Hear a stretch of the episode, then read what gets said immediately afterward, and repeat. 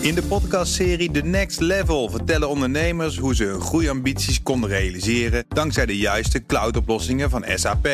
Wat waren de uitdagingen, de oplossingen en hoe ging de uiteindelijke implementatie? Benieuwd naar hun verhalen en hoe zij met behulp van SAP ook hun toekomstige ambities kunnen behalen? Luister de podcast The Next Level via de BNR-app of je favoriete podcast-app. Tech Update. Michiel Jurjens is bij ons. Hey Michiel, goedemiddag. Goedemiddag, Lisbeth en Kees. Hi. Ja, we kunnen het ook wel de Brussel-update noemen. Er is heel hoor. veel technieuws eh, vandaag uit Brussel. Het ging net al even over die eh, Europese AI-wet. Maar er is meer, want de Europese Commissie wil de grote advertentiemacht van Google openbreken. En bereidt weer een grote boete voor. Ja, Kees noemde het net al heel even. Dit zou dan de vierde miljardenboete worden in een paar jaar tijd. Afgelopen jaren belanden er al voor 8 miljard euro aan Europese boetes bij Google op de mat. Nou, de volgende die is in de maak, maar de Europese Commissie wil deze keer dus een heel stuk verder gaan. Want die wil inderdaad dat Google een deel van zijn activiteiten afstoot. En laat dat nou net ja, een belangrijk, heel lucratief deel van het bedrijf zijn. Ja. Het gaat de commissie eh, om machtsmisbruik, zoals wel vaker. En in dit geval dan ja, specifiek op de online advertentiemarkt, waar Google enorm groot is. Ehm, bijvoorbeeld omdat je ja, advertenties ziet als je een zoekopdracht doet, zo simpel is dat. Ja. Maar wat Google ook doet, is ja, bemiddelen tussen adverteerders enerzijds en platforms waarop advertenties te zien zijn aan de andere kant. Dus in die zin, ja, je kunt zeggen, Google is heel machtig, zowel aan de inkoopkant als aan de verkoopkant. En in het kort is de verdenking van de Europese Commissie dan ook ja, dat Google zichzelf voorttrekt ten koste van de concurrentie, waardoor klanten eigenlijk alleen bij Google terecht kunnen. Google vervolgens onredelijke prijzen eh, gaat rekenen voor zijn diensten.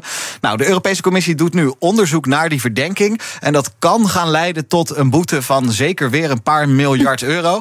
Maar men verwacht dus in Brussel dat dat alleen het probleem niet oplost. En eist dus dat Google ja, delen van zijn advertentiebusiness afstoot. En dat is wel echt hoogst uitzonderlijk dat zoiets gebeurt en geëist wordt. Ja, want wat zouden de gevolgen zijn als Google verplicht inderdaad zou opsplitsen? Ja, de Europese Commissie hoopt dus op deze manier een eerlijker speelveld te krijgen in die wereld van online advertenties.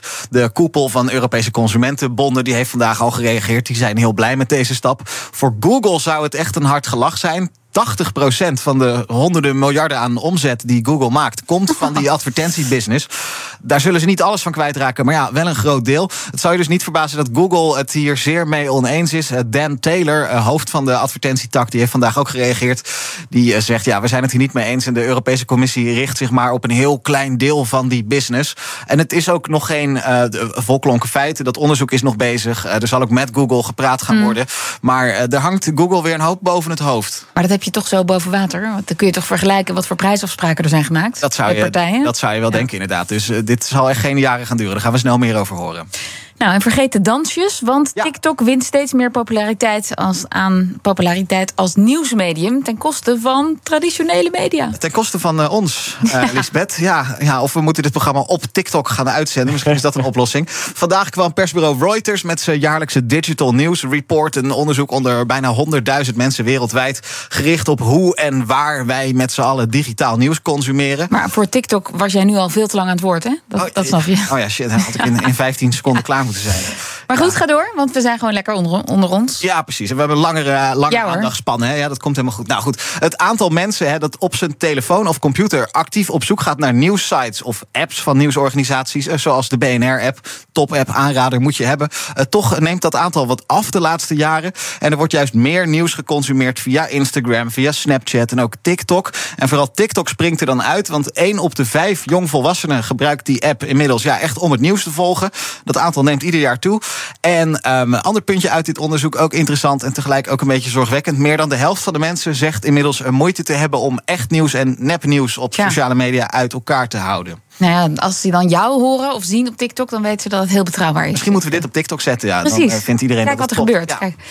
En dan hier in Nederland een DDoS-aanval op een bedrijf dat examenuitslagen verwerkt op een dag als vandaag. Ja, dat is echt heel lullig. 3500 scholieren die op het telefoontje van de mentor zaten te wachten.